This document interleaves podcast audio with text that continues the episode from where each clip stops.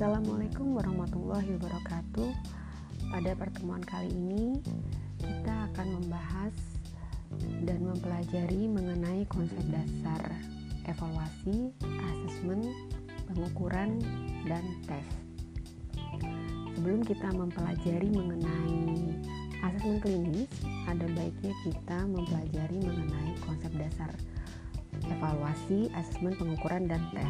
Jadi, eh, kita akan lebih mengetahui perbedaannya apa gitu ya. Perbedaan mengenai evaluasi ini sendiri apa asesmen apa pengukuran dan tes itu sendiri. Baik akan saya mulai langsung. Untuk yang slide kedua introduction.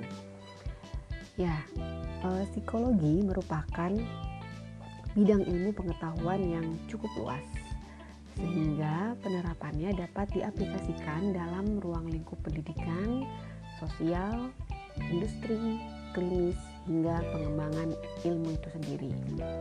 Ya, maksudnya di sini adalah dalam ruang lingkup pendidikan psikologi bisa mencakup ke dalam uh, ada yang namanya psikologi pendidikan gitu ya, di mana di dalamnya membahas mengenai kesulitan belajar,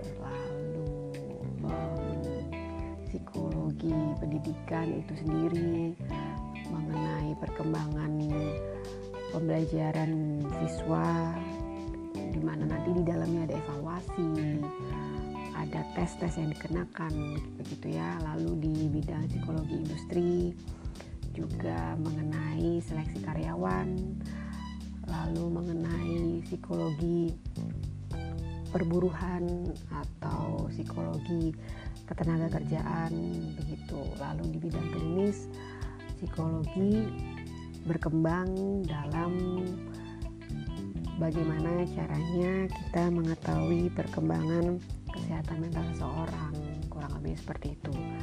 Lalu, dua hal yang harus dikuasai dalam psikologi kurang lebihnya yaitu konsep mengenai perilaku manusia dan pengukuran terhadap perilaku. Jadi perilaku itu dapat uh, diukur dan kita dapat mendalami dengan teknik-teknik tertentu mengenai pengukuran terhadap perilaku tersebut, gitu ya. Ya, untuk bahasan yang pertama, evaluasi. Apa sih evaluasi itu?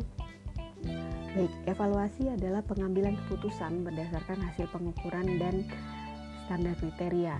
Jadi untuk mengukur sesuatu ada standar kriteria yang harus di uh, dijalani begitu ya itu untuk evaluasi. Nah pengukuran dan evaluasi itu merupakan dua kegiatan yang berkesinambungan. Jadi kedua-duanya saling mengisi dan saling beriringan kurang lebihnya gitu saling mempengaruhi.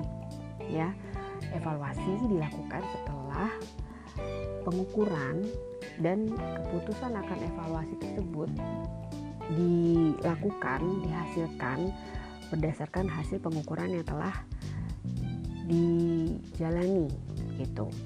Nah, pengambilan keputusannya dilakukan dengan membandingkan hasil pengukuran dengan kriteria yang telah ditetapkan sebelumnya. Terdapat dua kegiatan dalam melakukan evaluasi, yaitu melakukan pengukuran dan membuat keputusan dengan membandingkan hasil pengukuran dengan kriterianya.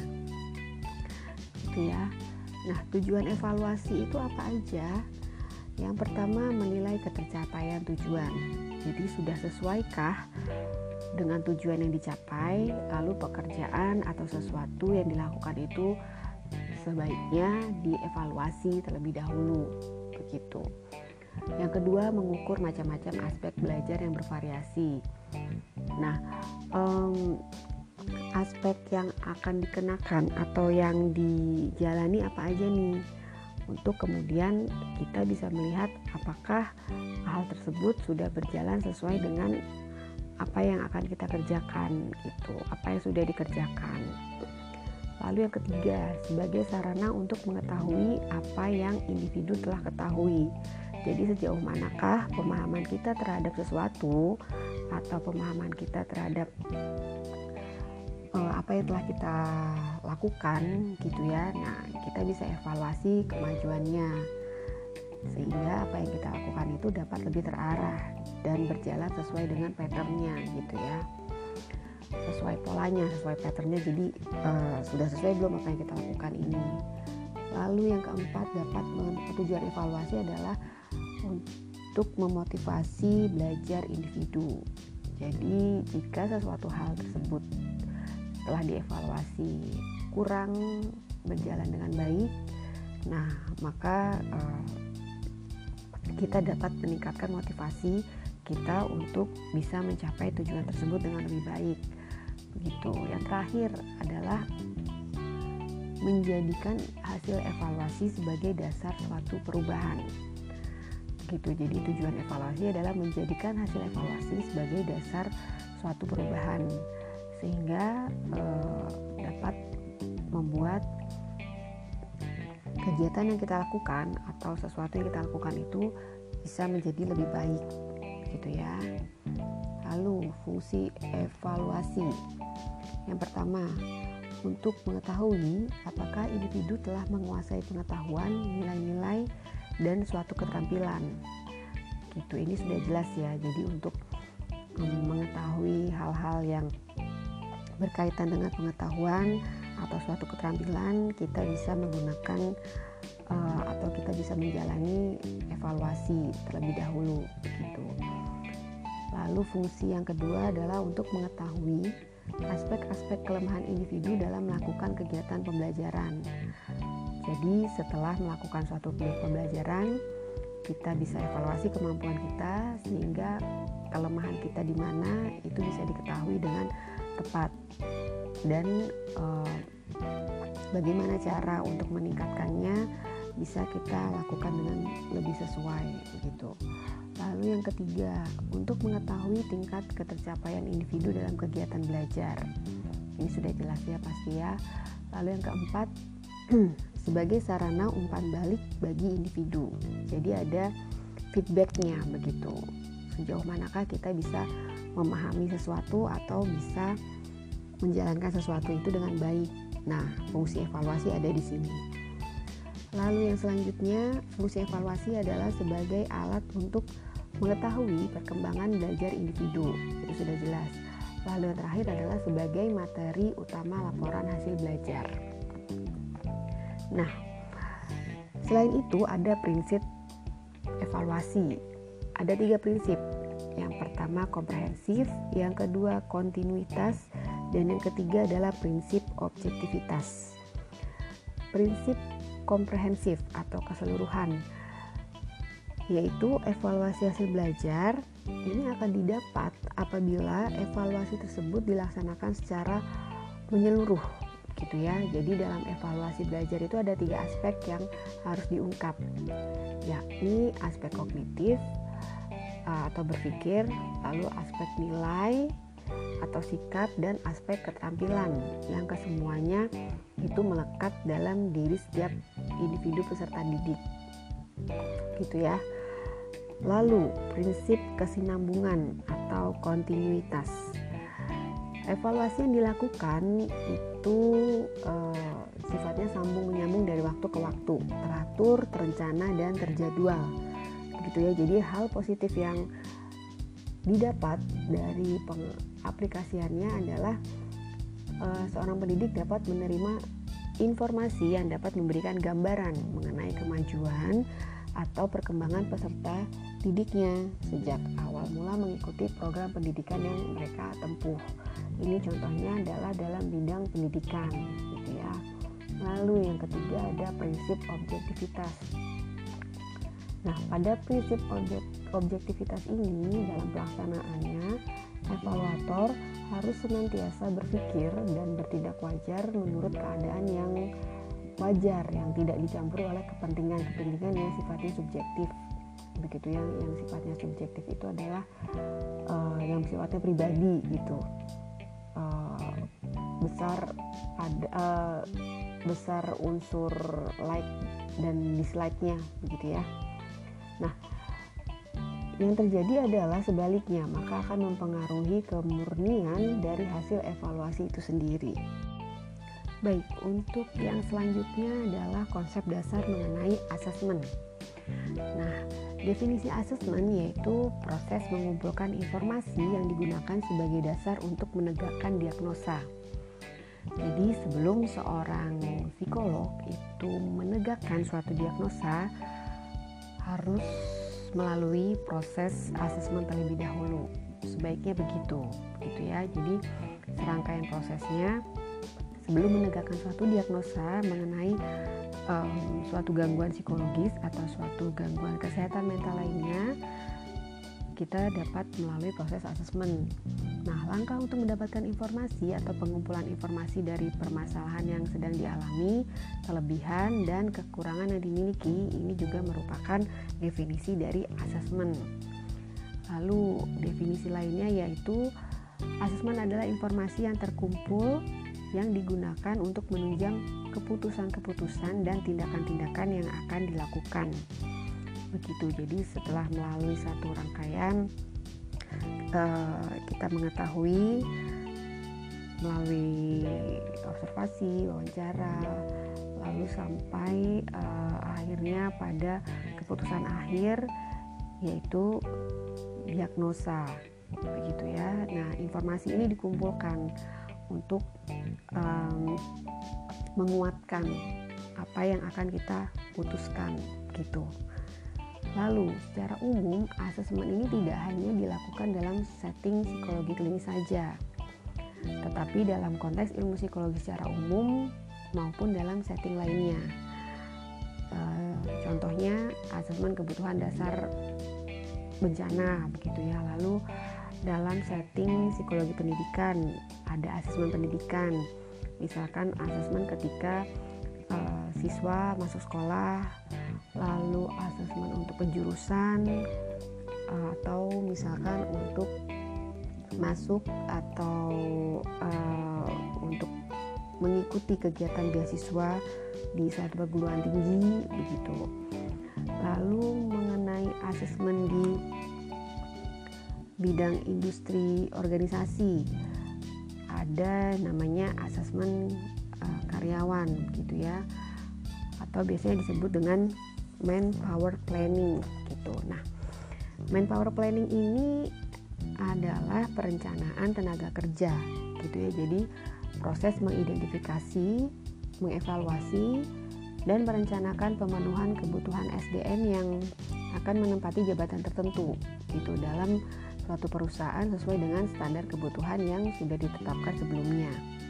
Nah, untuk mendapat tenaga kerja ahli yang kompeten untuk mengisi jabatan yang dibutuhkan oleh pihak perusahaan, maka diadakanlah asesmen karyawan ini. Gitu. Kemudian, pembeda antara asesmen psikologis dan asesmen klinis dengan asesmen lainnya yaitu ada pada interactive decision making process gitu ya Interactive decision making proses ini adalah proses pengambilan keputusan berulang. Kemudian ada pengambilan data sistematis terhadap individu tertentu atau beberapa individu dengan mempertimbangkan sejarah individu tersebut, keadaan fisiknya, kebudayaan maupun lingkungan sosialnya. Jadi, dalam asesmen psikologis dan asesmen klinis, seorang klinisi atau seorang psikolog itu mengambil data sistematis terhadap individu tertentu atau beberapa individu. Misalkan ada permasalahan mengenai um, keluarga begitu ya, dilakukan konseling keluarga. Maka data yang diambil adalah data masing-masing pada anggota keluarga tersebut. Uh, data yang terkait dengan perkembangan anaknya, lalu data mengenai misalkan latar belakang pendidikan ayah dan ibunya, lalu permasalahan yang terjadi dalam keluarga seperti apa, begitu. Dengan mempertimbangkan sejarah masing-masing individu tersebut. Misalkan um, latar belakang pekerjaan ayahnya seperti apa, masa kecilnya seperti apa, atau pergaulan di lingkungan kantornya seperti apa.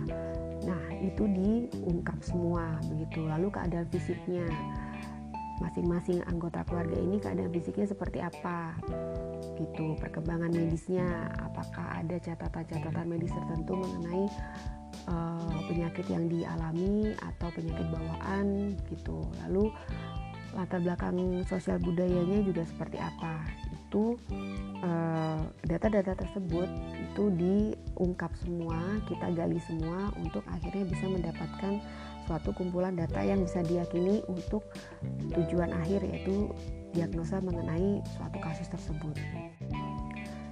Kemudian untuk selanjutnya tujuan asesmen psikologis antara lain yang pertama melakukan evaluasi terhadap kemampuan kognitif seseorang untuk menentukan apakah ia dapat uh, mendapatkan akses remedial.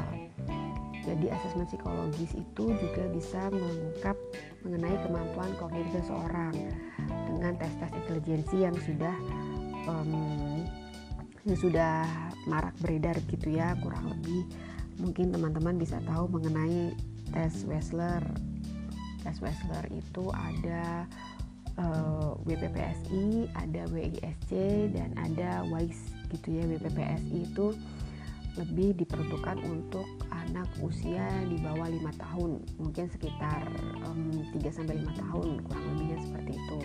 Lalu untuk WISC itu sering digunakan untuk mengungkap intelijensi anak usia mulai dari enam tahun sampai menjelang uh, dewasa awal kurang lebihnya. Kemudian untuk WISE itu lebih untuk mengukur intelijensi, intelijensi usia dewasa begitu ya. Lalu tujuan asesmen psikologis yang kedua untuk mengidentifikasi karakteristik dan tingkah laku yang diasosiasikan dengan kesulitan penyesuaian diri pada remaja sehingga terapis bisa menentukan penanganan yang tepat. Nah, e, sebetulnya tidak hanya pada remaja begitu ya, bisa juga e, pada e, dewasa atau pada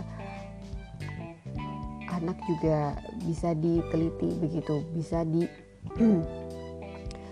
dilakukan dengan asesmen psikologis gitu. Jadi um, ini salah satu contohnya aja kasusnya misalkan penyesuaian diri pada remaja jika ada kesulitan dalam hal tersebut maka um, dilakukan sebuah asesmen psikologis yang di dalamnya menyangkut adanya proses observasi, wawancara, lalu treatment apa yang uh, maaf lalu tes psikologi apa yang kira-kira dapat dikenakan terhadap remaja ini kemudian untuk muncul diagnosanya lalu bisa dilakukan treatment yang tepat.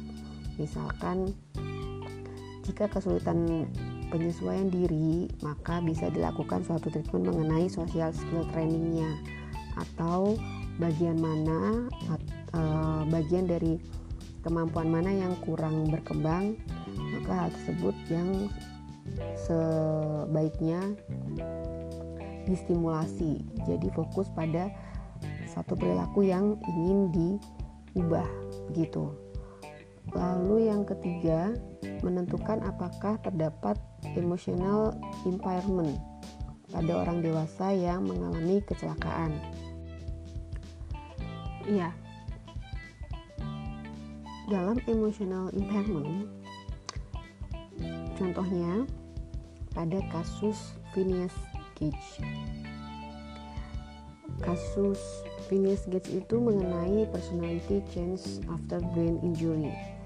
Jadi si Phineas Gage ini mengalami brain injury atau um, kerusakan pada otaknya begitu ya. Jadi uh, Phineas Gates ini merupakan orang yang selamat setelah sebatang besi dengan panjang kurang lebih satu meter menancap tepat di rahang kiri sampai menembus ke bagian atas kepalanya. Nah, ini terjadi karena kecelakaan. Kecelakaan karena kesalahan prosedur dalam pembuatan bubuk mesiu. Ini pada tahun 1800-an kalau nggak salah. Nah, akibat peristiwa itu, Phineas Cage ini harus kehilangan salah satu matanya dan mengalami kerusakan otak depan sebelah kiri. Jadi um, tongkat sepanjang kurang lebih satu meter itu menancap dari bawah sampai atas gitu. Jadi um, mengenai otak depan sebelah kirinya dan akhirnya karena kecelakaan ini ia berubah menjadi orang yang memiliki temperamen yang kasar gitu. Nah, peristiwa tersebut uh, peristiwa tersebut jadi perhatian bagi perkembangan ilmu neuroscience terkait dengan perubahan kepribadian akibat adanya trauma otak begitu ya. Nah, uh, si Phineas Cage ini bisa selamat dari kejadian tersebut. Namun itu tadi kepribadiannya jadi berubah begitu ya. Jadi bagi orang-orang yang mungkin mengalami, mengalami kecelakaan, mengalami suatu uh, cedera otak berat begitu. Nah, mungkin akan berpengaruh terhadap uh, perkembangan kepribadiannya gitu khususnya pada eh, orang-orang uh, dewasa begitu ya. Nah, uh, kemudian Phineas Cage ini dia bisa bertahan hidup sampai umur kurang lebih 36 tahun. Nah, karena kecelakaan ini dia jadi sering kejang gitu. Lalu uh, terkena penyakit epilepsi begitu ya dan akhirnya uh, beliaunya meninggal karena penyakit epilepsi tersebut. Next, yang selanjutnya konsep dasar mengenai pengukuran. Nah, pengukuran adalah membandingkan sesuatu yang diukur dengan alat ukurnya dan kemudian menerangkan angka menurut suatu sistem. Ini menurut Kerlinger tahun 96 gitu ya. Ini secara teorinya seperti itu. Lalu menurut Hopkins dan Antes pengukuran sebagai pemberian angka pada atribut dari objek orang atau kejadian yang dilakukan untuk menunjukkan perbedaan dalam jumlah Lalu pengukuran juga merupakan cara mengumpulkan data dalam ilmu alam. Dalam bidang pendidikan, cara ini diadaptasi untuk metode pengumpulan data. Lalu selanjutnya ada konsep dasar mengenai tes psikologi. Nah, apakah tes itu? Kata tes berasal dari bahasa Latin yaitu testum, yang artinya alat untuk mengukur tanah. Awalnya dari situ ya. Lalu dalam bahasa Prancis kuno, kata tes berarti ukuran yang dipergunakan untuk membedakan emas dan perak dari logam-logam yang lainnya. Ini uh, dalam bahasa Prancis kuno, begitu ya, yang dimengerti sebagai uh, alat untuk membedakan emas dan perak, begitu kurang lebihnya. Nah, namun secara umum tes itu dapat didefinisikan sebagai suatu tugas atau serangkaian tugas dalam bentuk pertanyaan-pertanyaan atau perintah-perintah untuk dijawab dan dilaksanakan. Jadi menjawab pertanyaan sesuai dengan instruksi yang diberikan. Begitu ya. Nah, kemudian hasil tes tersebut dapat dibandingkan. Dapat dibandingkan antara satu individu dengan individu lainnya. Begitu. Kemudian, kalau tes psikologi sendiri itu adalah salah satu dari metode psikodiagnostik. Ini menurut Anastasi. Nah, psikodiagnostik itu merupakan terjemahan dari istilah psychodiagnosis dalam bahasa Inggris yang dimunculkan pertama kali oleh Herman Rosas Rosah pada tahun 1921. Nah, Herman Rosah ini yang menemukan alat tes Roe atau uh, sering juga disebut sebagai alat tes bercak tinta gitu ya. Jadi di mana subjek atau klien atau pasien diminta untuk menginterpretasikan atau menceritakan um, gambar yang terlihat pada satu kartu gitu satu kartu yang uh, itu berasal dari percikan tinta atau bercak tinta gitu ya kemudian dari hasil tes itu dapat dianalisa mengenai struktur kepribadian atau um, perkembangan kesehatan mental pasien tersebut gitu. Lalu tes psikologi menurut Chaplin, psikodiagnostik adalah teknik untuk mempelajari kepribadian yang bertujuan untuk menentukan sifat-sifat yang mendasarinya, khususnya sifat yang menentukan kecenderungan seseorang pada suatu penyakit mental. Jadi dalam psikodiagnostik itu kita bisa mempelajari berbagai macam tipe kepribadian yang nantinya bisa menentukan e, sifat khusus individu itu seperti apa. Begitu. Lalu apakah ada kecenderungannya terhadap gejala penyakit mental tertentu? Begitu. Jadi uh, psikodiagnostik bisa menentukan tingkat atau derajat kesehatan mental seseorang. Kurang lebihnya seperti itu. Lalu kemudian tes psikologi ini sendiri mempunyai beberapa tujuan.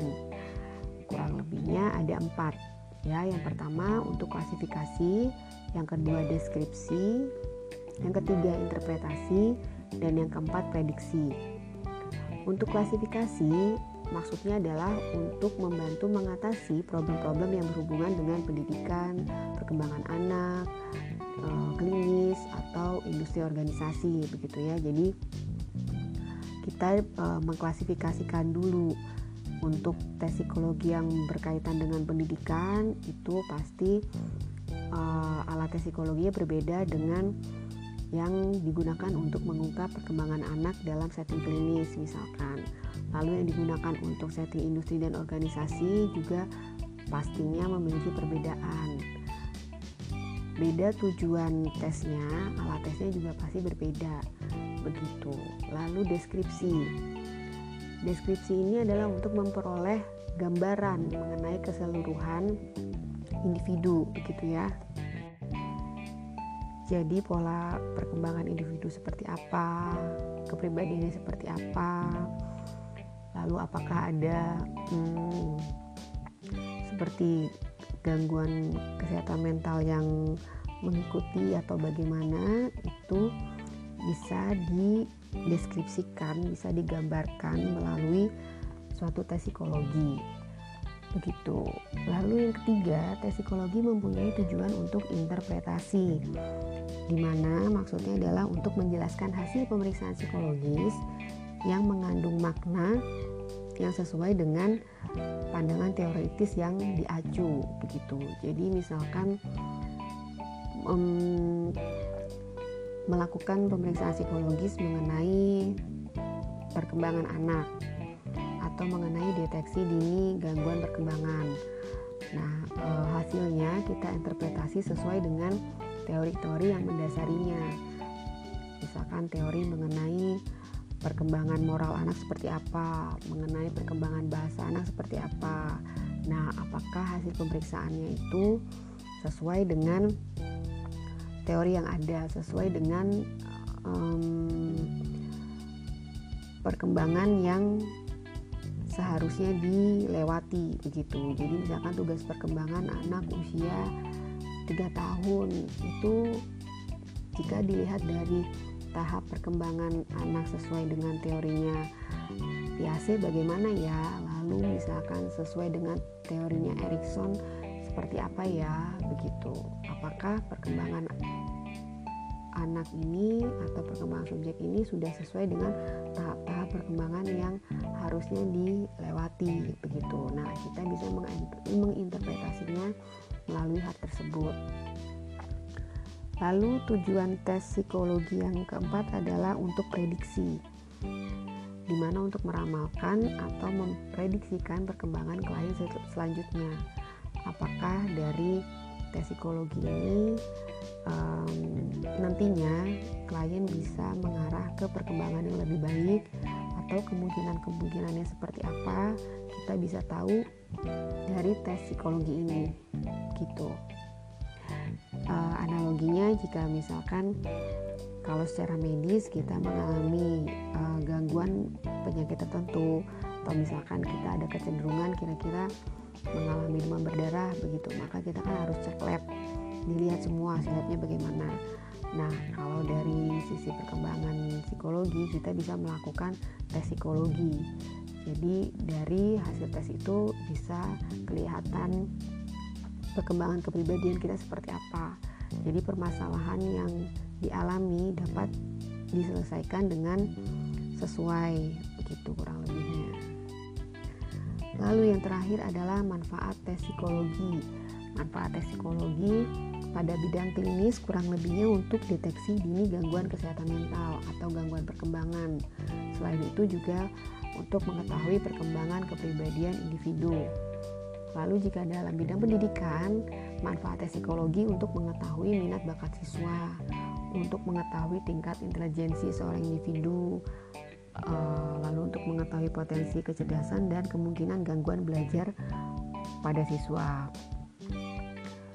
Dalam bidang industri dan organisasi, manfaat psikologi itu lebih untuk ke seleksi karyawan, promosi jabatan, lalu untuk analisa jabatan, atau dapat juga sebagai deteksi dini kesehatan mental karyawan.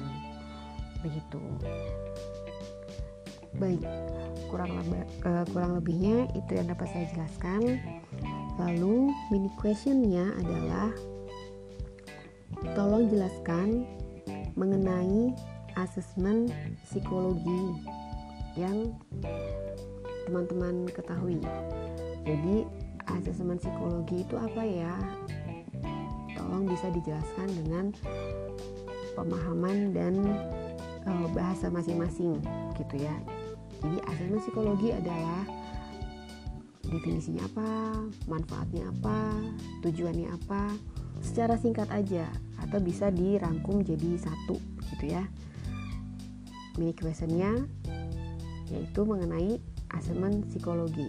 Asesmen psikologi adalah baik terima kasih atas atensi teman-teman. Sekian penjelasan materi dari saya jika ada hal yang ingin didiskusikan silahkan dikoordinasikan dengan Komting Kelas. Nanti akan saya bantu untuk menjawab satu persatu. Gitu akhir kata mohon maaf jika ada hal yang kurang berkenan. Terima kasih. Wassalamualaikum warahmatullahi wabarakatuh